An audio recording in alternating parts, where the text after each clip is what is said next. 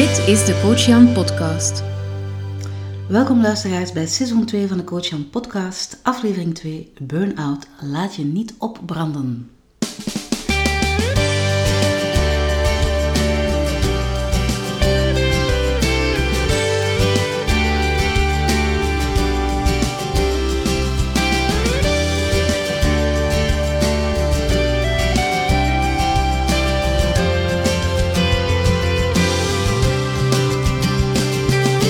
Welkom bij de Coach Jan Podcast, jouw online gids naar een sprankelend en betekenisvol leven. Welkom nogmaals, mijn naam is Annelies Havant, ik ben uw gastvrouw voor vandaag en ik zit hier vandaag in de studio, uiteraard met de coach Jan zelf. Hallo Jan. Hey Annelies, hoe is het met u? Alles oké? Ja? Alles oké, ik ben blij dat ik er weer bij ben. hè. Ja, toch ook weer leuk dat de podcast weer zo mooi vertrokken is, zo mooi eh, gestart is vorige week.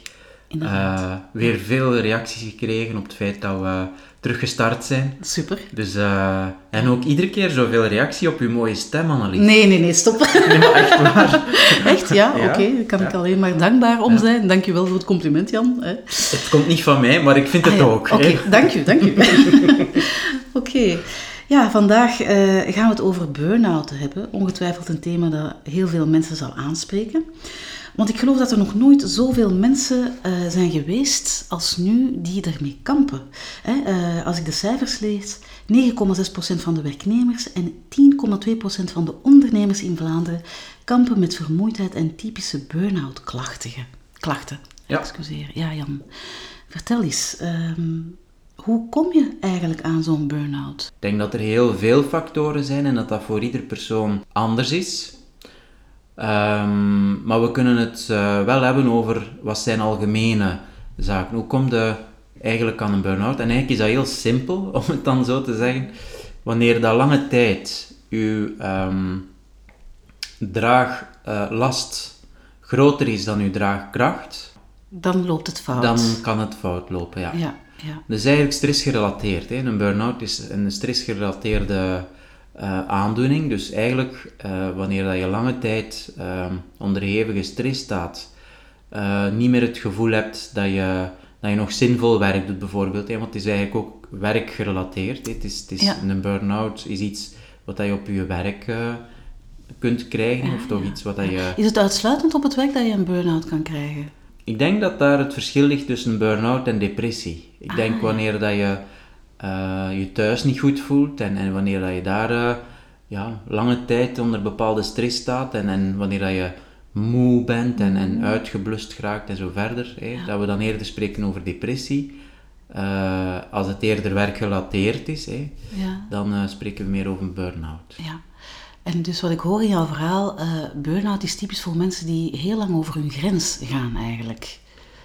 Goh, het, het, is, het is complex, hè? want het kan ook even goed zijn dat je bijvoorbeeld lange tijd het gevoel hebt dat je niet meer verbonden bent met werk. Oké, ja. Ehm, er zijn eigenlijk drie zaken die heel belangrijk zijn voor zinvol werk. Hè. Dat is eh, autonomie, het feit dat je het gevoel hebt dat je je werk kunt regelen. Ja, dat je zelf eh, het in handen hebt. Dat je, voilà, hè. Ja. Een tweede is ehm, competenties. Eigenlijk dat je het gevoel hebt dat jouw talenten ook benut worden in het werk dat je doet. ja, je nuttig voelen Je nuttig eigenlijk. voelen. En dat het ook aansluit bij, bij jouw talenten. En een eh, derde element is eigenlijk verbinding. Ja. Voelen, eigenlijk je geconnecteerd voelen met het werk dat je doet, met de mensen waarmee dat je werkt. Ja. Dat is eigenlijk heel belangrijk. Dus dat is het sociale aspect dat toch ook heel belangrijk is. Precies. Ja. Of ook voor een bedrijf of een, een firma werken waar dat je ook mee kunt verbinden.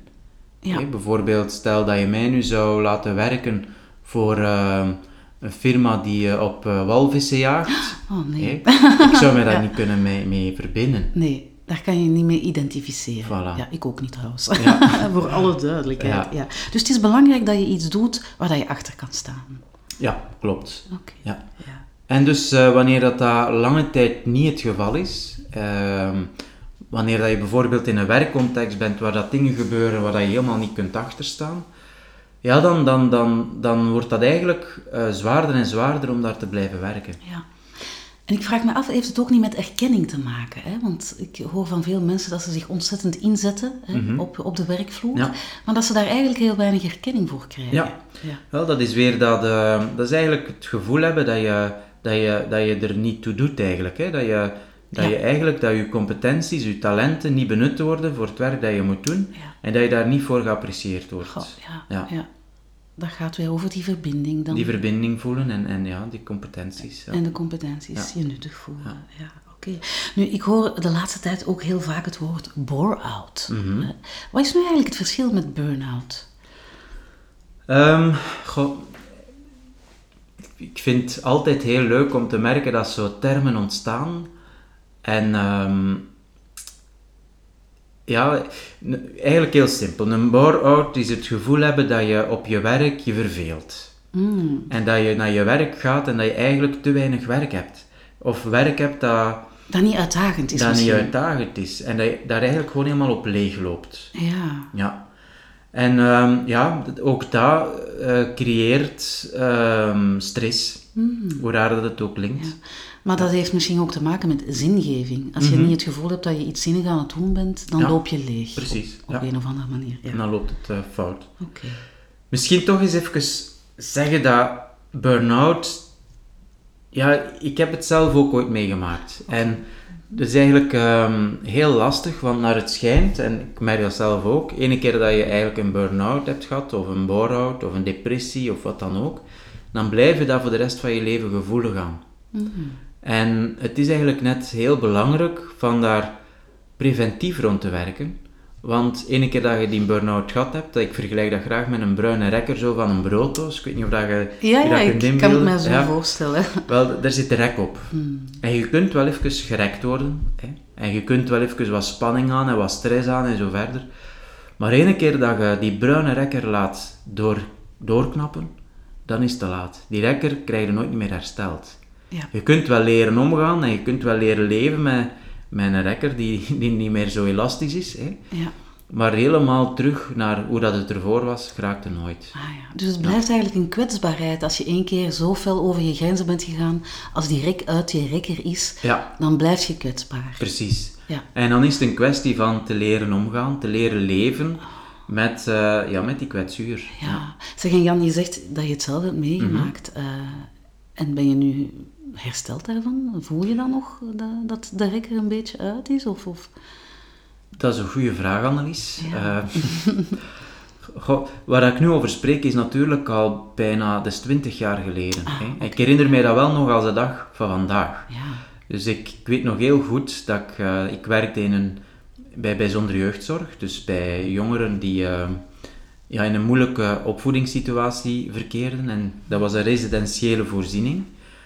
En ehm, ik werd daar eigenlijk vooral ingezet als tuinman, als klusjesman, als... eh, ja, terwijl ik werkte daar, ik was aangenomen als opvoeder, als begeleider. Oh, Ja. ja. En ja, ik kreeg van die directrice altijd zo van die vervelende klusjes. En in het begin deed ik dat allemaal wel. Hè? Zo van, Ja. ja. dat hoort erbij. Hè? Ik was ook de enigste man die daar werkte. Ah ja, dat zal misschien wel iets mee te maken hebben Ja, gehad. ja. ja.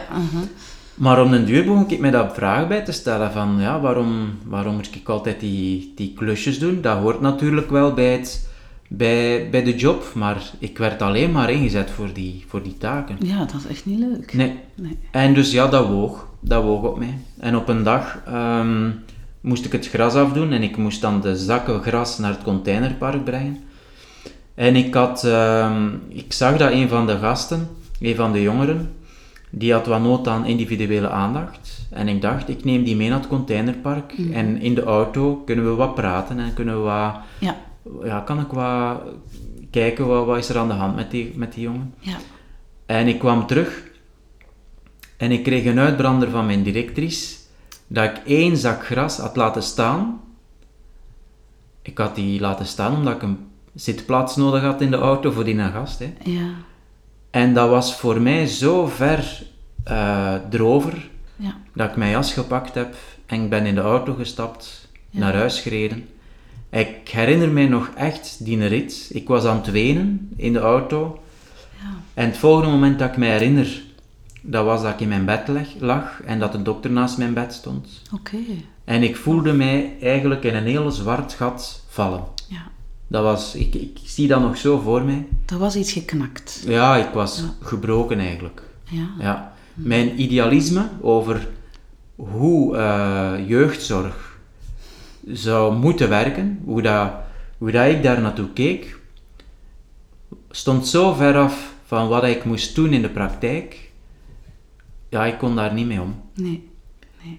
En ja, dat moment, ehm, ja, dat was... eh, Dat was een keerpunt. ja, een keerpunt. Eh, En, en ik heb... ehm, eigenlijk heb ik heel snel eh, actie ondernomen. Ik, ja, de dokter had mij thuis geschreven. Maar ik denk twee, drie weken later heb ik mijn ontslag ingediend. Eh, ik kon dat doen. In België bestaat er een systeem van ehm, ontslag wegens medische redenen. Waardoor dat je jezelf kunt ehm, op de werkloosheid eh, Ah, ja. zetten zonder verlies van uitkering. Oké, ja. ja. Ehm, en dat geeft uw werkgever de kans om, om duidelijkheid te hebben en om ook eh, verder te kunnen. Juist, ja. Maar het was heel duidelijk, jij, jij wilde daar niet terug naartoe, hè? Ik kon daar niet mee naartoe. Dat ging niet dat, meer. Dat was, Nee. dat was zo hard. eh, Ja. Ja, en, en, en nu, twintig jaar later, kan ik ook wel zien dat ik zelf heel veel aandeel daarin had. Hè. In de eerste aflevering hadden we het Mhm. Ja. over eh, nee, nee, zeggen. zeggen, ja. Ja, ik heb daar eigenlijk nooit nee gezegd. Ja. Ik heb altijd ja gezegd. Ik heb, daar geen, ik heb innerlijk veel vragen gesteld, maar ik heb die nooit uitgesproken. Ik heb ook nooit gezegd dat ik vond dat dat niet kon, bijvoorbeeld. Of dat ik. Snap je? Dus ik heb daar heel veel eh, geleerd uit die situatie. Ja, Maar ja, ik had niet de vaardigheden op dat moment om daarmee om te gaan. nee. Maar daarna blijkbaar wel, hè? Want toen was het opeens gedaan, hè? Toen was het echt een grote nee.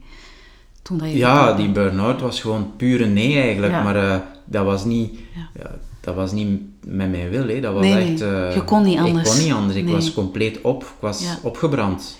Ja. En heb je het gevoel dat je daar vandaag nog last van hebt? Dat, je, dat het nog een kwetsbaarheid is, Jan? Want ik zie jou van alles doen, Ja. van hier naar daar vliegen, Mhm. zaken oppakken. Jij bent volgens mij een van de meest energieke personen die ik ken. Ja, Mhm. dank u voor het compliment, maar het is, het is ook wel een valkuil natuurlijk. Hè. Mhm. Ehm, heb ik daar nu nog last van? Het antwoord is nee. Ehm, omdat ik probeer heel goed voor mezelf te zorgen. Ik heb een soort barometer Ja. ontwikkeld. Ehm, maar ik, ik besef wel dat... ehm, ja, het is niet evident. Ehm Ene keer dat je een burn-out gehad hebt, ook al is dat 20 jaar geleden, blijf je daar heel gevoelig aan. En Ja. ik, ik bijvoorbeeld, ja, ik heb een heel druk eh, jaar achter de rug, ben op vakantie gegaan. En in die vakantie heb ik gemerkt hoe moe dat ik was. Ik stond ervan verbaasd dat ik, dat ik eigenlijk op dat punt gekomen was, dat ik echt niet door had dat ik zo moe was. Ah, ja. ja. Want normaal gezien ben ik daar toch alert aan. Hè. En dat was voor mij eh, toch weer een bewust worden van Jan, eh, het is belangrijk om goed voor jezelf te zorgen. Ja. Ja. Ja. Om niet opnieuw in een burn-out terecht te komen. Dus het was wel even een alarmbelletje dat weer ging, ging rinkelen. Ja, absoluut. Ja. Ja. Ehm, en plus, ja, waar heb je wel nog last van natuurlijk? Dat is, je bent veel vatbaarder voor negatieve gedachten. Voor, ehm, Ja. ja, En dat komt door die chronische stress, dat je dan ook meer negatieve gedachten gaat hebben? Of hoe zit dat dan precies? Ehm, ik, goh, dat is een moeilijke vraag. Komt het daardoor? Ehm, er bestaat wel zoiets als de gedachten-emotiespiraal. Ja, Ehm, ja, het heeft allemaal invloed op elkaar natuurlijk. Uw gedachten op uw emoties. Uw gedachten kleuren uw emoties ook. Dus bepaalde gedachten die je hebt, ja, zetten bepaalde emoties in gang of versterken bepaalde emoties. Of soms zwakken bepaalde emoties af. Dus het speelt wel allemaal, Ja. eh, het heeft allemaal wel een invloed op elkaar. hè. ja, het heeft een impact. Ja. ja. Nu, wat dat mij natuurlijk enorm geholpen heeft, dat is, eh, in 2007 ben ik in contact gekomen met mindfulness. Aha, mindfulness. Ja, ja. ja. En dan heb ik voor de eerste keer een cursus gevolgd. ja. En dat heeft mij niet meer losgelaten. En in mindfulness leer je op een niet-oordelende manier aandacht te geven aan wat dat er is. Juist, ja. Opmerkzaam te zijn. ja. En dat helpt natuurlijk enorm bij het detecteren van eigen gedachten, eigen emoties, eigen ervaringen. Ja. Ehm, ook uw balans eh, wat beter in evenwicht te houden. Ja. Maar het blijft natuurlijk altijd wel een oefening. Ja, maar als ik het goed begrijp, dan is mindfulness iets waardoor dat je beter naar jezelf leert luisteren Het geeft u de tools om dat te kunnen doen. om dat te kunnen doen. Ja, ja. Maar het vraagt nog altijd dat je het doet. juist. Ja. Ja. En een van onze volgende afleveringen gaat daar trouwens over, hè? Ja. over mindfulness. Ja, ja. Ik ben al benieuwd. Ja, ik ook. Jan, ehm, ja, hoe komt het eigenlijk dat er zoveel mensen tegenwoordig mee zitten met burn-out? Ehm, goh, dat is een hele lastige. Ehm, het lijkt alsof dat 30 jaar geleden of 40 jaar geleden dat dat niet bestond. En dat er ook veel minder mensen waren die uitvielen als, als vandaag. Ja, Ik denk dat er iets maatschappelijk veranderd is. Ik denk dat de druk op mensen alleen maar is toegenomen. ja, Ik kijk bijvoorbeeld naar omgaan met e-mails. Hé, 30 jaar geleden bestond de e-mailbox niet. nee. Je bent ook altijd bereikbaar natuurlijk, hè? Precies, die smartphones, Ja. al die instrumentjes, die zorgen dat we eigenlijk geen pauzes niet meer nemen. Ja, We hollen eigenlijk constant alles achterna. ja. En we zijn afgeleerd om ons ook soms te vervelen. ja, Terwijl dat verveling is natuurlijk niet wat dat we per se moeten gaan opzoeken. Nee. Alhoewel. Misschien moeten we zo'n cursus inrichten. Leer je vervelen. Leer je vervelen, ja. Ja. Maar het is eigenlijk vooral leren vertragen. Ja. Eh, vertragen en kijken. Kijken hoe dat is met jezelf, kijken wat dat nodig is in de situatie. En dat zijn we gewoon afgeleerd. We zijn, we zijn eigenlijk aangeleerd om veel te presteren, Ja, juist. eh, direct te antwoorden op, an- op vragen. Eh, e-mails moeten binnen het uur beantwoord zijn of je krijgt een telefoontje, zeg, Ja. heb je mijn mail niet gezien? Ja. Ehm, ja, we zijn niet meer, we komen eigenlijk niet meer tot rust. We, komen, we zijn eigenlijk continu in die stress ehm, modus. Ja. Het is echt een maatschappelijke tendens, hè? Want absoluut. ik denk dat het ook wel te maken heeft voor een stuk met wat er op de werkvloer gebeurt. Hè. Het moet al- altijd maar beter, moet, er moet beter gepresteerd worden met Mhm. alsmaar minder middelen. En, of heb ik het eh, verkeerd? Ehm, dat kan in bepaalde werkcontexten zeker zo zijn.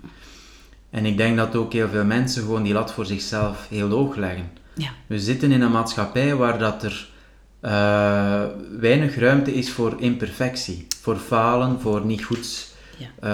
eh, presteren en zo verder. We moeten allemaal top, toppers zijn. ja.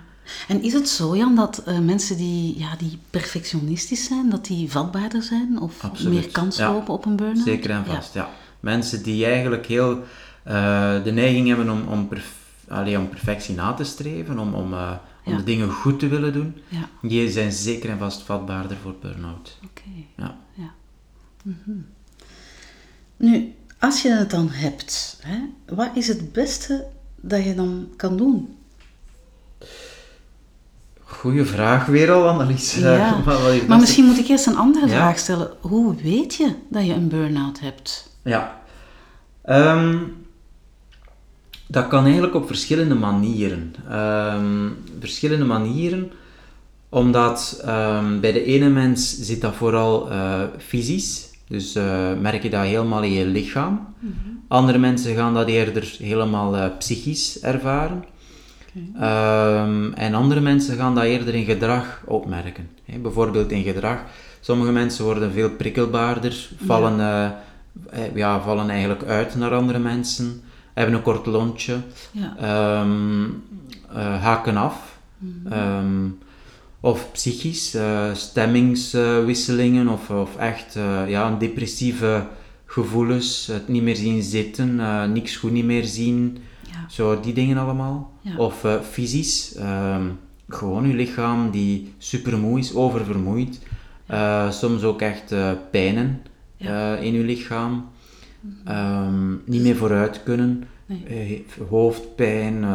ja, eigenlijk, er zijn heel veel ja, stressgerelateerde symptomen Klachten, eigenlijk. Hè, ja. ja. Ja. Dus het manifesteert zich enerzijds fysiek, op het fysieke vlak, Ja.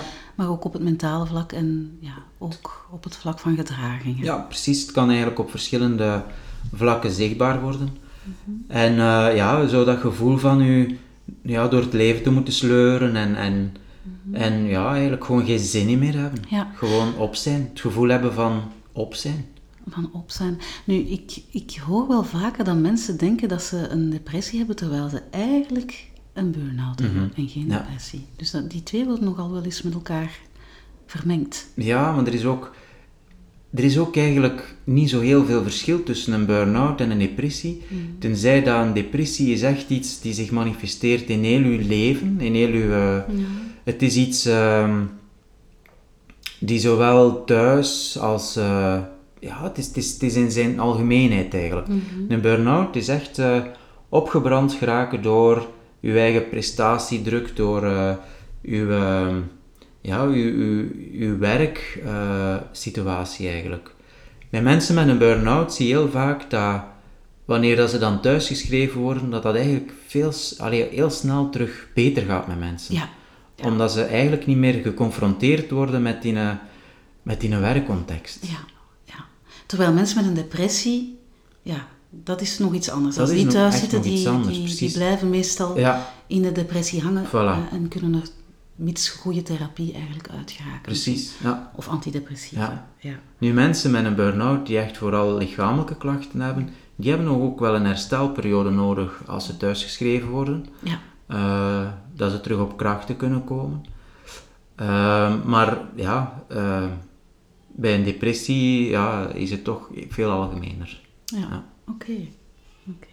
Nu Jan, jij zou natuurlijk coach Jan niet zijn als je geen fantastische tips had hè, over, eh, over hoe dat je moet omgaan met burn-out.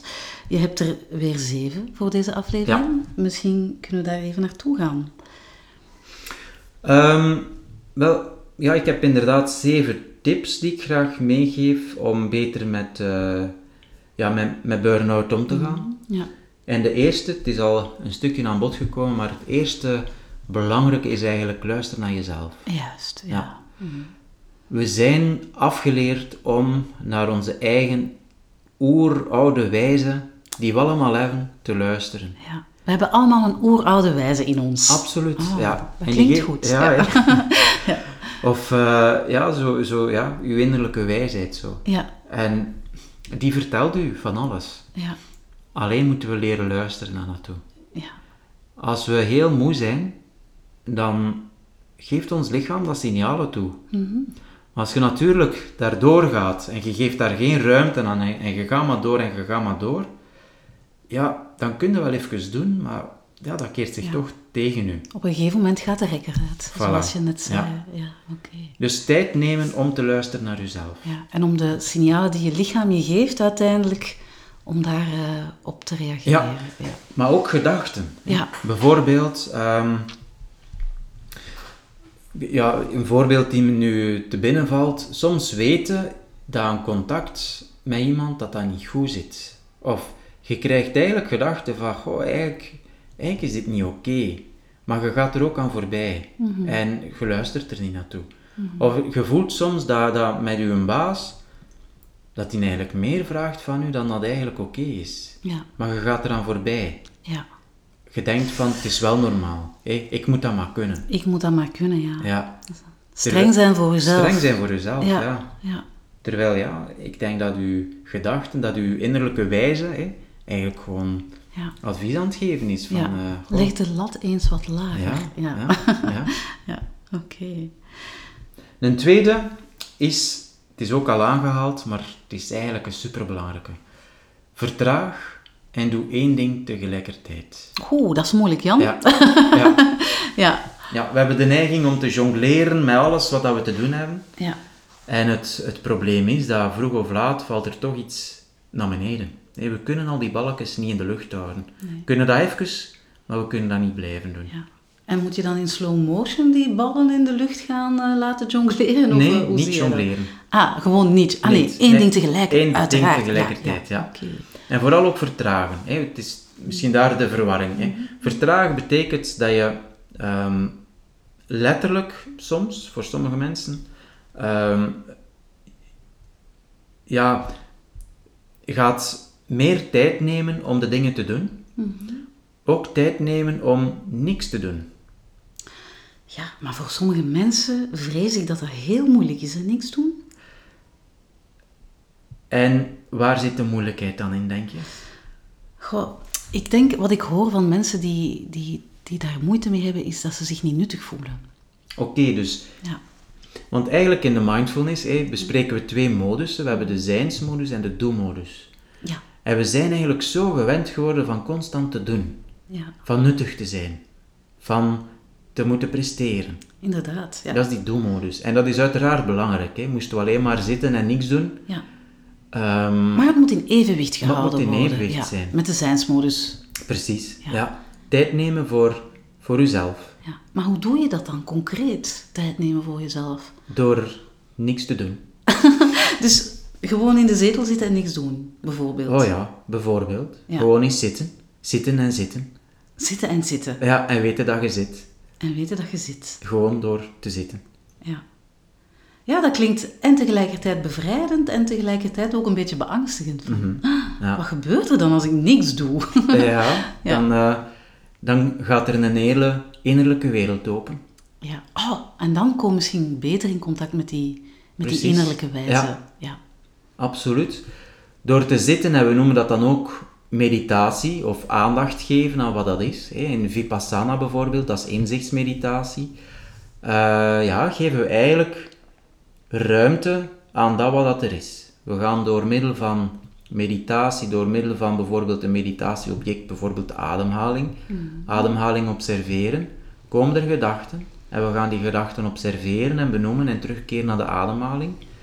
We gaan niet zozeer verdwalen in die gedachten, maar gewoon opmerken dat er gedachten zijn. Ja. En eigenlijk heel die oefening van opmerken, Ja. van aandachtzaamheid, is eigenlijk eh, een training van uw aandacht. Is eigenlijk die een innerlijke wereld die open gaat. ja. En die is heel erg gefocust op het hier en het nu, als ik het goed begrijp. Ja, wat, wat is er absoluut. nu? Wat speelt er nu? Wat, op wat dit is er moment? Wat is er, wat, wat- precies. Ja. En ik, ik kan tientallen voorbeelden geven van keren dat ik ging zitten en dat ik eigenlijk binnen de 10 seconden wou recht springen om, om iets te gaan doen. Mhm. Wel, dat is nu net de oefening van op te merken dat je in die drive zit. Ja. En in plaats van recht te springen en iets te gaan doen, kijken hoe dat is om in die modus te blijven zitten. ja. Dus, Of bijvoorbeeld de bodyscan, dat is ook zo'n hele gekende oefening in, in de mindfulness training. Is, eh, dat is echt een super saaie oefening. Ja. Echt analyse. Ik ken Ja. geen saaiere oefening dan de, dan de bodyscan. ja. En dat is nu net een van de aspecten in de bodyscan waarmee dat we leren omgaan. Je leert saaiheid. omgaan met verveling, Met verveling, met saaiheid. saaiheid. Ja. Hoe is het om dat te voelen? En kijken wat dat er gebeurt als je die saaiheid accepteert. ja. Hoe bevrijdend en hoe vrij dat je dan eigenlijk wordt in, oké, acceptatie met de, met, de, met de saaiheid. Acceptatie van de saaiheid. Heerlijk. Ja, klinkt, klinkt goed. Ja, ja. en vooral hoe dat je dan eigenlijk tot rust komt. Ja. De oefeningen hebben helemaal niet een doel, hè? want eh, de bodyscan doen om tot rust te komen bijvoorbeeld, is eigenlijk, is eigenlijk eh, echt niet, is, is bijna een, een, een contradictie. Ja. Hè? Het is een beetje paradoxaal. Het is paradoxaal. Ja. Maar door de oefening te doen, heeft het soms wel het gevolg dat je tot rust komt. ja. Maar de oefening is eigenlijk leren omgaan met wat er op dat moment Met wat er op dat moment is. is. Ja, En dat kan saaiheid zijn, dat kan saaiheid zijn. maar dat kan opwinding zijn of boosheid, of plotseling opmerken van, oh tja, ik voel pijn in, in mijn hoofd. Ja. Hoe is dat daar? Goh, maar als ik het goed begrijp, dan, dan zou je dat eigenlijk toch wel overal kunnen doen. Zo'n oefening. Als je aan het stuur zit van je wagen, als je wandelt in het bos, als je aan het eten bent, Ja. bijvoorbeeld. Er is eh, eigenlijk hoef je helemaal niks speciaal te doen. Je kunt in elk moment van de dag aandacht geven aan dat wat dat er is. Ja. En dat is een vorm van mindful eh, in het leven staan. ja. En van vertragen dan. En vertragen, ja. Ja, oké. Oké, interessant. Hm. Een volgende aspect is ehm, zorg voor een gezond ritme. En dat is eigenlijk gewoon uw basisbehoeftes. Slaap, Ja, eten, ja, ehm, ja, alles wat dat eigenlijk noodzakelijk is om uw systeem, hé, mijn systeem Jan als het ware, mijn ja, goed onderhoud te geven. Dat, heeft, dat heeft dat nodig. ja. En wil dat dan zeggen dat je een, een routine moet installeren? Dus elke dag op hetzelfde uur opstaan bijvoorbeeld? Uh... Dat draagt zeker en vast bij tot een goede uh, levenskwaliteit door uh, bepaalde ritmes te respecteren. Mm. Hey, ik weet, hey, heel simpel, ik moet eigenlijk om 10.30 uur richting mijn bed. En om 7.30 uur ga ik eruit. Dat is zo'n zo zekere vorm van, van, een, van een patroon. Ja. En ik weet ook, als het bij mij veel later wordt dan 10.30 uur, dat ik uit mijn ritme ben en dat ik daar last van ga hebben. Ja. En soms zelfs tot twee dagen daarna. Ah ja, oké. Ik ben daar heel gevoelig aan. Dus uw lichaam heeft echt nood aan die routine? Mijn lichaam wel, ja. maar Dat, is, dat is voor iedereen anders. Ja, natuurlijk, dat is, dat is uniek. Ja. En ook eten. Ik weet wat dat goed is voor mij. Mhm. Ik weet ook wanneer ik moet eten en welk voedsel dus goed is. Ja. ja, dat is belangrijk dat je jezelf goed verzorgt. Ja, goede gewoontes aannemen. Want ik hoor toch heel vaak van mensen dat ze, ze staan op, ze kleden zich aan in een rush rush en, en ze zijn weg naar hun werk en ze hebben niet ontbeten. En ze hebben ook geen honger meer op de duur, want ja, ze zijn het ook niet gewend om iets in hun maag te steken s ochtends. Ja, Goh, dat is een interessant, uh, want er bestaat zoiets als uh, um, um, um, hoe noemt dat nu weer?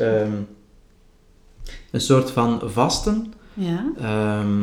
waardoor dat het blijkbaar zo zou zijn dat je vetverbranding hoger zou zijn, door soms morgens een maaltijd over te slaan. Echt? Ja. Ah, oké. Maar, dus um, op zich zou het wel nog kunnen, maar voor mij werkt het niet. Hè? Dus ik merk dat ik gewoon echt nood heb aan voldoende brandstof in mijn tank. Ja. En dat ik uh, mij goed voel daardoor. Maar het heeft misschien ook te maken met de insteek waarmee dat je wel of niet ontbijt als je, als je niet ontbijt omdat je geen tijd hebt, ja, dat is iets heel anders dan de beslissing, ik ontbijt niet omdat ik uh, aan het vasten ben, omdat ik dan vet uh, aan het verbranden ben. Of ja, zo. precies. Ja. Ja. Oké. Goed. En dan uh, onderhoud je sociale contacten. We hebben de neiging, als het heel druk is, om die mensen dat we het liefste zien, um, naar achteren te schuiven. Oh. En eigenlijk is dat net wat dat we niet te doen hebben. Ja, maar als de draaglast zwaarder wordt dan de draagkracht, dan mhm. hebben inderdaad de meeste mensen de neiging om nog meer te gaan werken, omdat ze uh, ja, te veel te doen hebben en eigenlijk hun sociale contacten op een lager pitchen. Ja, precies. Ja, dus ze, ze verminderen nog eens hun draagkracht en ze verhogen daarbij eigenlijk nog eens hun draaglast. Heel juist, ja. Terwijl dat we eigenlijk het omgekeerde moeten ja, doen, absoluut. hoor ik van jou net. Ja. ja. Die sociale contacten zijn momenten waarbij dat we onze batterijen kunnen opladen. En als je die uit de weg gaat, is dat eigenlijk een kans gemist om, tot, uh, om, om energie op te doen. Ja. Ja. ja, dat opladen van die batterijen, dat is toch wel iets heel belangrijks. Hè? Absoluut, ja. zeker. Ja. En dan uh, vijf is leven in het hier en nu. Is eigenlijk terug die mindfulness ontwikkelen. Mm uh, veel beter contact maken met, met het hier en nu. En uh, ja, eigenlijk echt tijd nemen om om aandacht te geven aan dat wat er is. Aan dat wat er is, ja. En niet constant in het verleden of in de toekomst zitten. Precies, ja. Want die neiging hebben we wel, hè. Van, uh, Zeker. Ja, te blijven malen met uh, gedachten en piekergedachten zelfs van het verleden of de toekomst. Angst voor wat er komen zal en zo verder. Ja. Mm, ja. Dan zes is oefen imperfectie. Oefen imperfectie, ja. interessant. En hoe doe je dat nu precies? Door de lat bewust lager te leggen en te kijken wat er gebeurt. Ja, maar ik ken heel veel mensen die zouden zeggen: ja, maar nee, als ik mijn lat lager leg, dan, dan, eh, heb ik geen, dan, dan bied ik geen kwaliteit meer. Precies. En dan is, is het belangrijk van dat te gaan doen. Oké. Ja. ja. En ook om eh, te leren omgaan met fouten.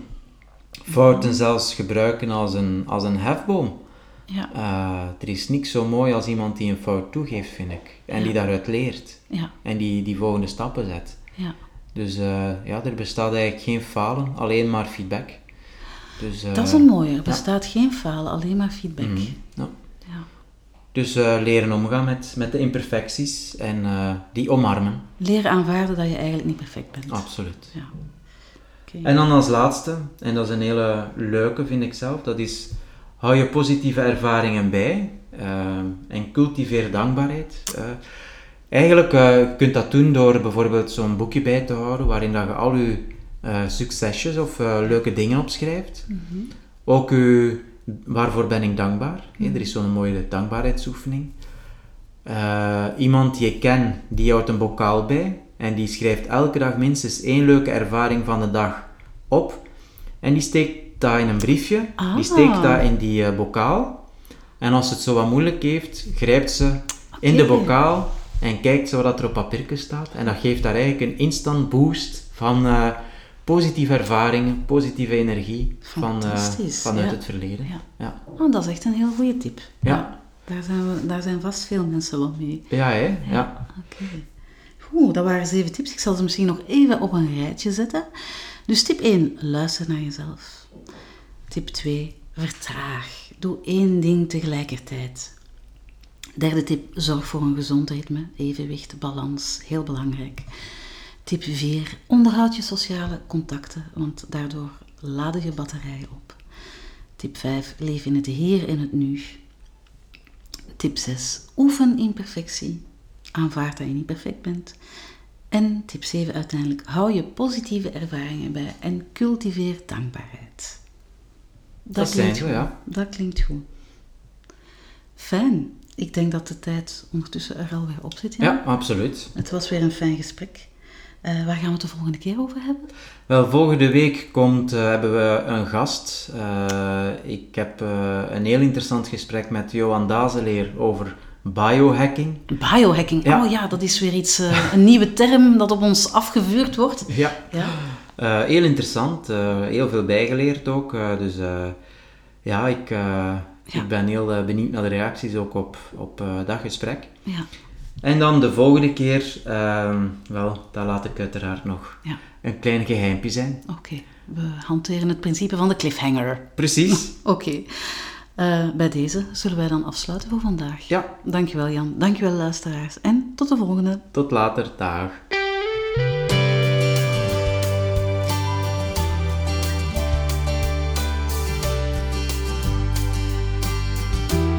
Dit was de Coach Jan podcast. Reageren op deze aflevering kan via www.coachjan.be podcast. Vond je dit een goede aflevering? Dan stellen we jouw waardering en beoordeling in iTunes op prijs. Dit zorgt er mee voor dat ook andere mensen deze podcast vinden. Bedankt voor het luisteren en vergeet niet, maak er een sprankelende en betekenisvolle dag van.